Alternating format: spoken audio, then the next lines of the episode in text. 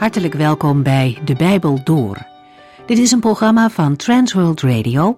U kunt ons ook vinden op internet www.transworldradio.nl.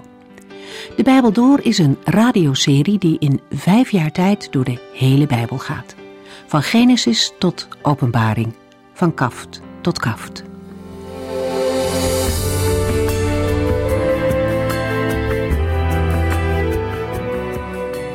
In de vorige uitzending heeft Corweda nagedacht over een aantal psalmen. Het lukt niet elke keer om de complete Bijbeltekst ook te lezen, maar misschien kunt u die zelf op een rustig moment ook eens doornemen. Wanneer u de gelegenheid heeft, is het ook aan te bevelen om tijdens de uitzending mee te lezen in uw Bijbel.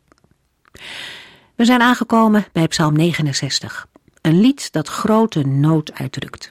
Het water staat David tot aan de lippen. Hij dreigt ten onder te gaan in het moeras en zonder reden wordt hij door velen gehaat. En in al die moeite heeft hij het uitgeschreeuwd naar de Heere. Zo vaak dat hij er moe en schor van is en zijn ogen zijn moe van het uitkijken naar God.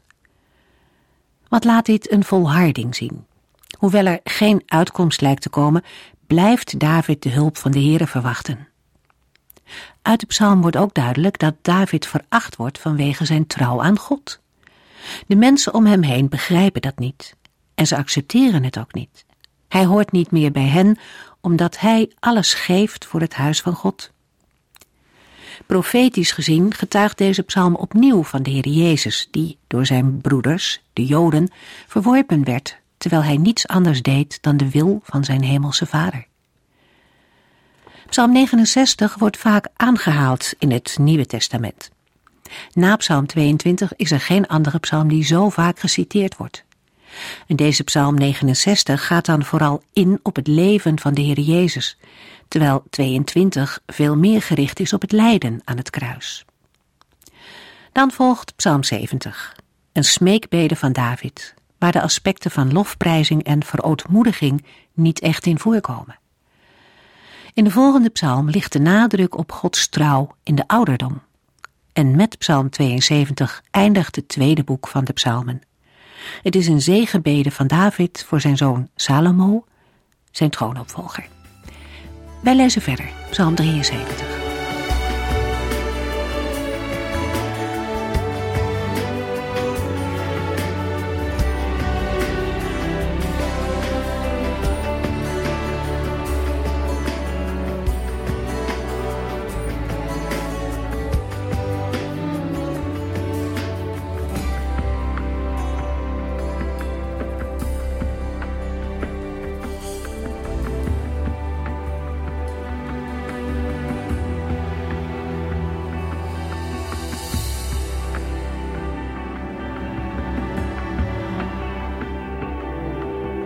Met Psalm 73 begint de derde bundel of het derde hoofddeel van het Bijbelboek Psalmen.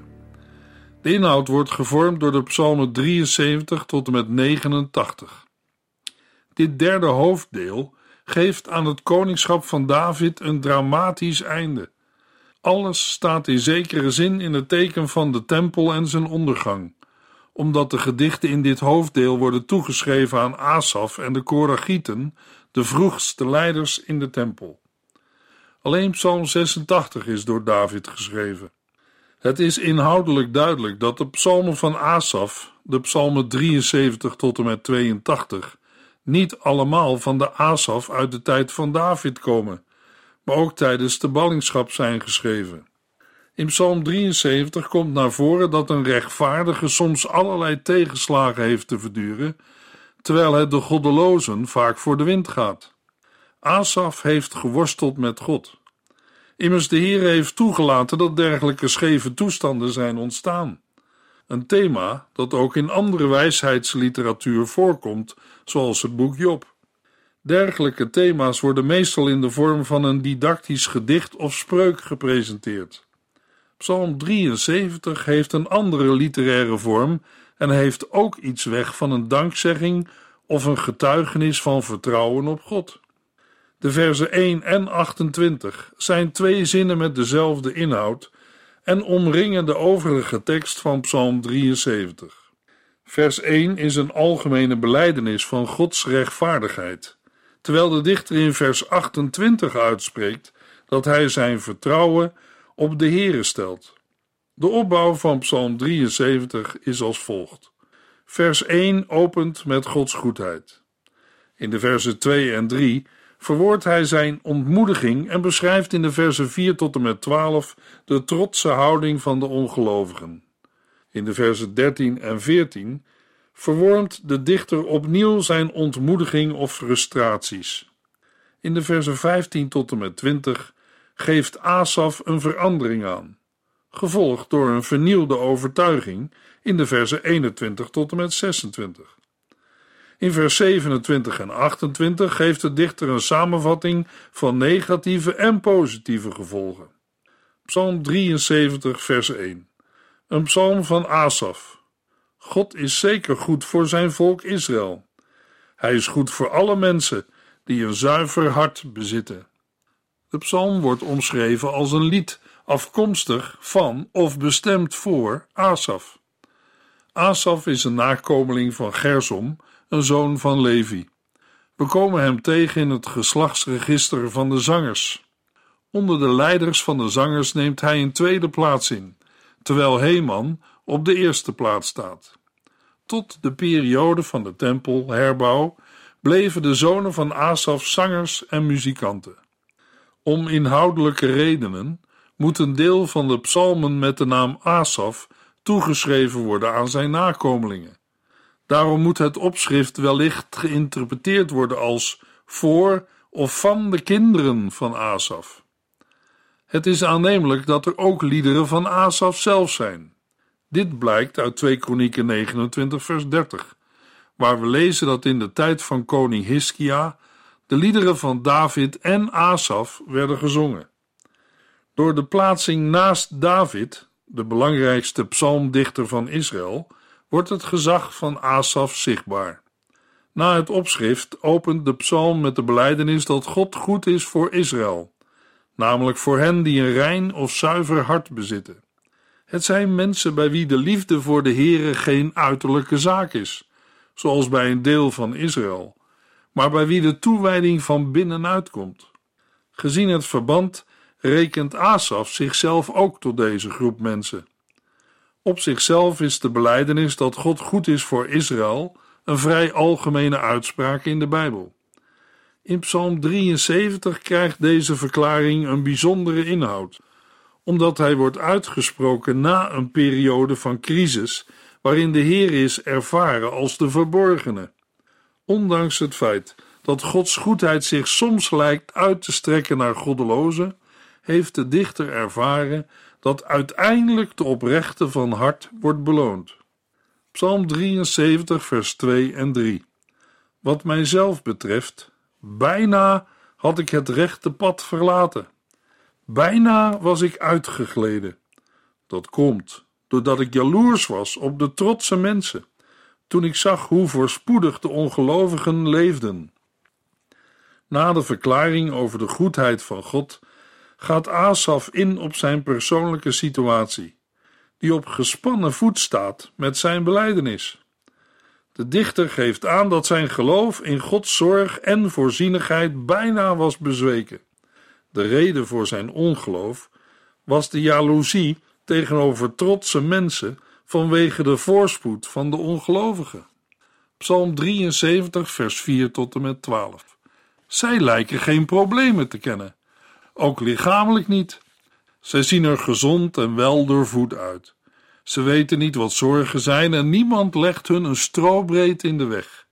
Daarom dragen zij hun trots als een halsketting en pronken zij met geweld alsof het dure kleren zijn. Hun gezicht is pafferig van het vet. Zij verbeelden zich van alles. Ze steken overal de spot mee en spreken kwaadaardig over het onderdrukken van andere mensen. Hun taal is gezwollen, trots en uit de hoogte.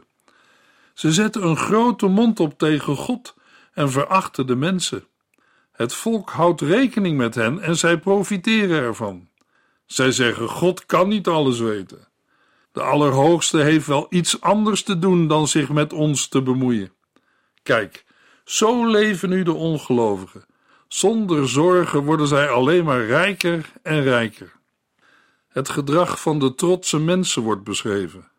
Het succes heeft hen gemaakt tot trotse en gewelddadige mensen. In vers 1 is gesproken over de zuiverheid van het hart van een rechtvaardige. In de versen 4 tot en met 12 wordt de verbeelding beschreven van de goddelozen. Ze steken overal de spot mee. Hun eigenwaan is zo groot dat ze denken alles te kunnen doen. Ze verachten mensen en zetten een grote mond op tegen God. De rijkdom en eigendunk van deze mensen heeft een imponerende uitwerking op de Israëlieten. Daarmee keert Gods volk zich van hem af. De goddelozen hebben geen angst dat de Heer hen zal straffen. Zij zeggen: God kan niet alles weten. Uitspraken die overeenkomst vertonen met Psalm 10, vers 13, waar wordt gesteld dat de Heere geen rekenschap vraagt. De dichter sluit in vers 12 af met de mededeling: Kijk, zo leven nu de ongelovigen. Zonder zorgen worden zij alleen maar rijker en rijker. Psalm 73, vers 13 en 14. Voor niets heb ik zuiver geleefd, mij ver gehouden van het onrecht. De hele dag word ik gekweld, elke morgen voel ik mij straf. Nadat het leven van de goddeloze is geschetst, komt een beschrijving van de worsteling die een gelovige doormaakt.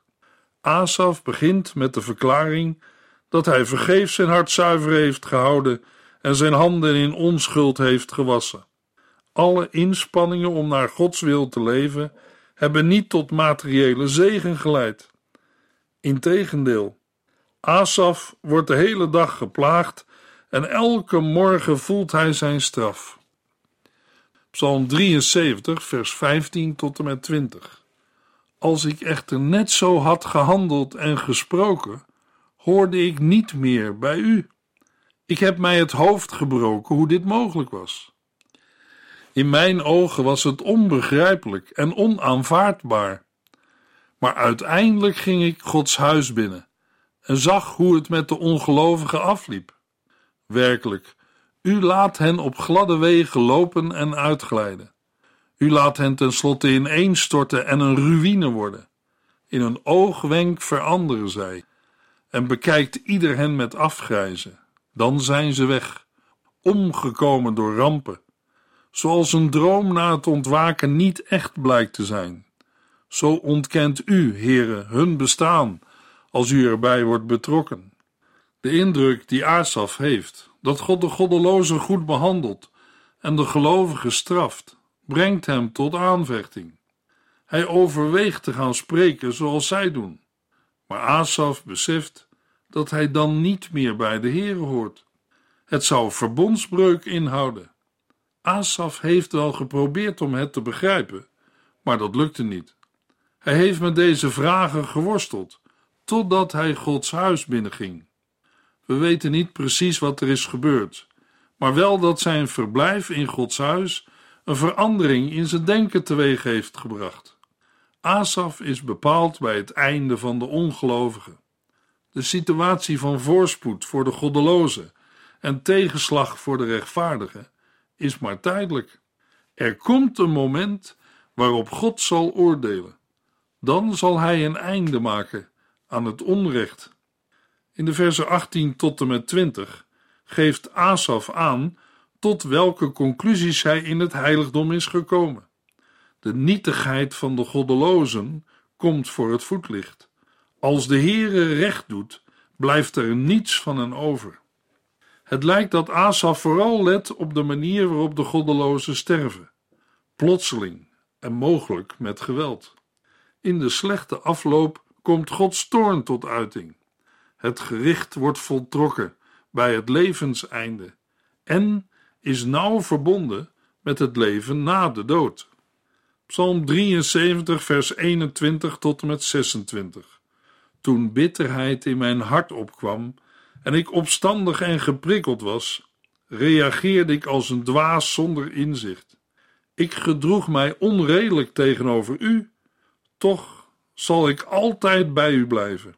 U houdt mij stevig vast. Door uw raadgevingen zal ik mij laten leiden En wanneer ik eenmaal sterf, mag ik in uw heerlijkheid bij u komen. Wie of wat heb ik buiten u nog nodig? Als ik u heb, heb ik verder niets nodig en verlang ik niets meer, nog op aarde, nog in de hemel. Voordat Asaf over zijn vernielde vertrouwen spreekt, blikt hij nog even terug. Zijn hart was verbitterd en hij was diep gekrenkt. Ook was hij dom en reageerde zonder inzicht. Hij gedroeg zich onredelijk tegenover de Heere. Asaf geeft een indringende omschrijving van de situatie waarin hij verkeerde, toen hij twijfelde aan het bestuur van de Heere. Maar Asaf beleidt in vers 23 dat de Heere hem stevig heeft vastgehouden. Het is een aanduiding voor bijzondere bescherming. Die bescherming was er niet alleen vroeger, maar de Heere zal ook in de toekomst bij hem zijn. God zal hem leiden volgens zijn plan en hem daarna in zijn heerlijkheid opnemen. Gods bescherming geldt voor dit leven, maar strekt zich ook uit tot na de dood. Na de verklaring over Gods bescherming in verleden, heden en toekomst volgt een retorische vraag waarin de dichter uitroept: Wie of wat heb ik buiten u nog nodig? Buiten de Heere heeft Asaf verder niets nodig. Deze overtuiging wordt op indringende wijze verder uitgewerkt in vers 26. Het is mogelijk dat hij lichamelijk en geestelijk zou bezwijken. In zo'n moeilijke situatie zal de Heere toch voor altijd het steunpunt van zijn hart zijn. In de slotverse wordt de boodschap van de psalm nog een keer weergegeven. In psalm 73 wordt een mens beschreven die worstelt met God en vooral met zijn afwezigheid. Hij vervalt bijna tot ongeloof, omdat hij niet begrijpt waarom het ongelovige voor de wind gaat. Treffend is de innerlijke verandering van de dichter. Hij spreekt in Psalm 73 voortdurend over het hart, de zetel van gevoel en verstand. Aanvankelijk had Asaf een innerlijk verzet tegen de Heer, maar is hem opnieuw gaan vertrouwen en daardoor kwam er een verandering van denken. Van groot belang was daarbij de ontdekking dat de Heer in alle omstandigheden bij hem is. In Psalm 73 wordt ook ons een weg getoond naar vertrouwen in tijden van aanvechting en twijfel. Het is van belang de andere kant te zien, door naar God, zijn woord en zijn gemeente te gaan. Daar komen andere perspectieven naar voren. Niet alleen de huidige werkelijkheid, maar ook wat er in het verleden is gebeurd en wat er in de toekomst zal plaatsvinden. Velen in onze tijd proberen zelf oplossingen te vinden voor de grote levensvragen en beschuldigen de heren van verkeerd bestuur van de wereld. Maar zij laten zich zelden onderwijzen en sturen door de heren. Immers van hem leren wij dat zijn gedachten en wegen hoger zijn dan die van ons. Er kunnen tijden van beproeving en aanvechting zijn, maar deze zijn bedoeld om ons te louteren. Paulus spreekt in Filippenzen 4 over een vrede die het verstand te boven gaat. Ook hij heeft het vertrouwen dat de Heere in alles nabij is. We gaan verder met Psalm 74. Psalm 74 is een klaaglied voor het volk. De tekst veronderstelt de verwoesting van de tempel door de Babylonische legers en zal daarom na 586 voor Christus zijn geschreven. Het lied is in drieën onder te verdelen. In vers 1 tot en met 11 lezen we een klacht over de verwoesting van de tempel.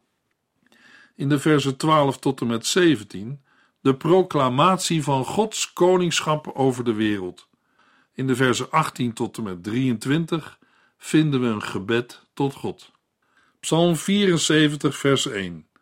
Een leerzaam gedicht van Asaf.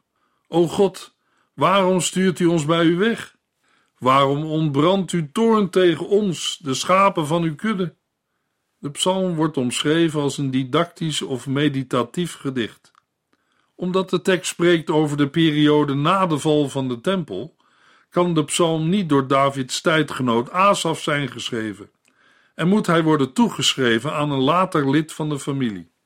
De tekst begint vrij abrupt met een vraag aan de Heere. Het is een vraag die ontreddering uitdrukt. Als de dichter spreekt over waarom stuurt u ons bij u weg, zal hij niet uitsluitend denken aan de Babylonische wegvoering, maar ook aan de tientallen jaren van de ballingschap en mogelijk ook aan de periode daarna, toen de opbouw van Jeruzalem zo moeizaam verliep. De dichter wijst op het feit dat een herder toch zijn eigen schapen moet weiden.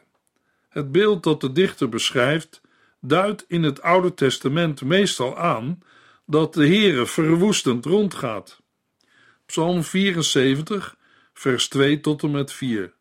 Houd toch in gedachten dat wij van u zijn. U hebt ons volk uitgekozen als uw eigen volk. En in Jeruzalem hebt u uw woning gekozen. Kom toch naar de puinhopen en kijk hoe uw tegenstanders uw heilig huis hebben verwoest. Zij maakten lawaai in uw tempel en hebben er hun eigen afgoden neergezet. De vijand heeft alles in het heiligdom verwoest. Door deze vermelding wordt indirect een appel gedaan op God. Hij mag niet toestaan dat de vijanden zijn heiligdom verwoesten. Na de openingsklacht volgt een uitgebreide beschrijving in de versen 4 tot en met 9 van de verwoesting van de tempel.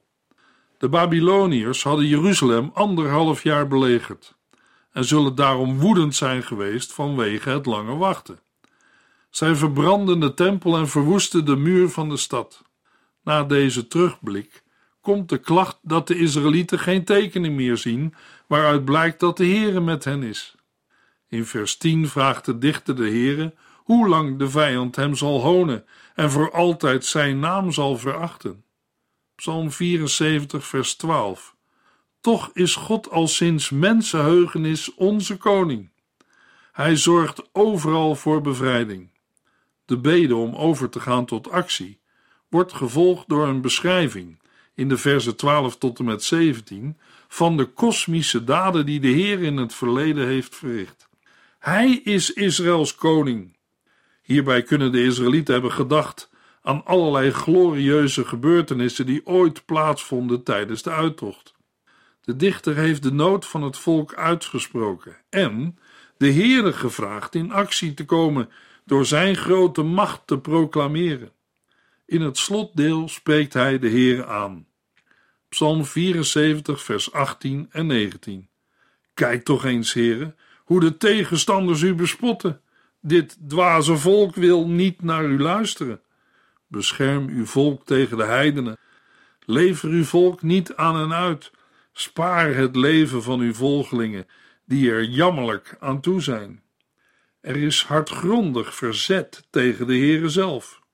Uitgaande van de moeilijke situatie vraagt de dichter of de Heere wil letten op zijn verbond. Psalm 74, vers 22 en 23. Kom er toch bij, o God, voert u de strijd voor ons. En denk eraan hoe die dwaze ongelovigen u de hele dag bespotten.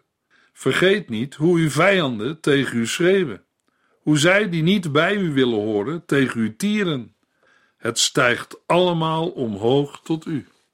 Een centraal thema in Psalm 74 is het langdurige karakter van de onderdrukking en de ballingschap. De dichter worstelt met de vraag of de Heere hen voorgoed heeft verlaten en de verwoesting van Jeruzalem voor altijd is. Ook vraagt hij zich af of de vijand Gods naam voor altijd zal bespotten.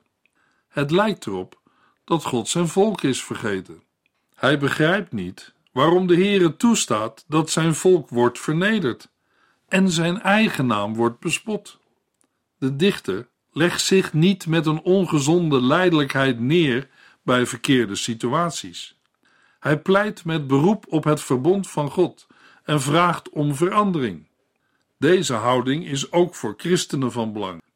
Soms zijn christenen geneigd om, vanuit de aanvaarding van de gebrokenheid van de schepping, luid te worden in gebed en voorbeden. We gaan verder met Psalm 75. Psalm 75 valt moeilijk met een ander Bijbelslied te vergelijken. De psalm begint met een lofprijzing en gaat zonder inleidende woorden over in een spreken van de Heere.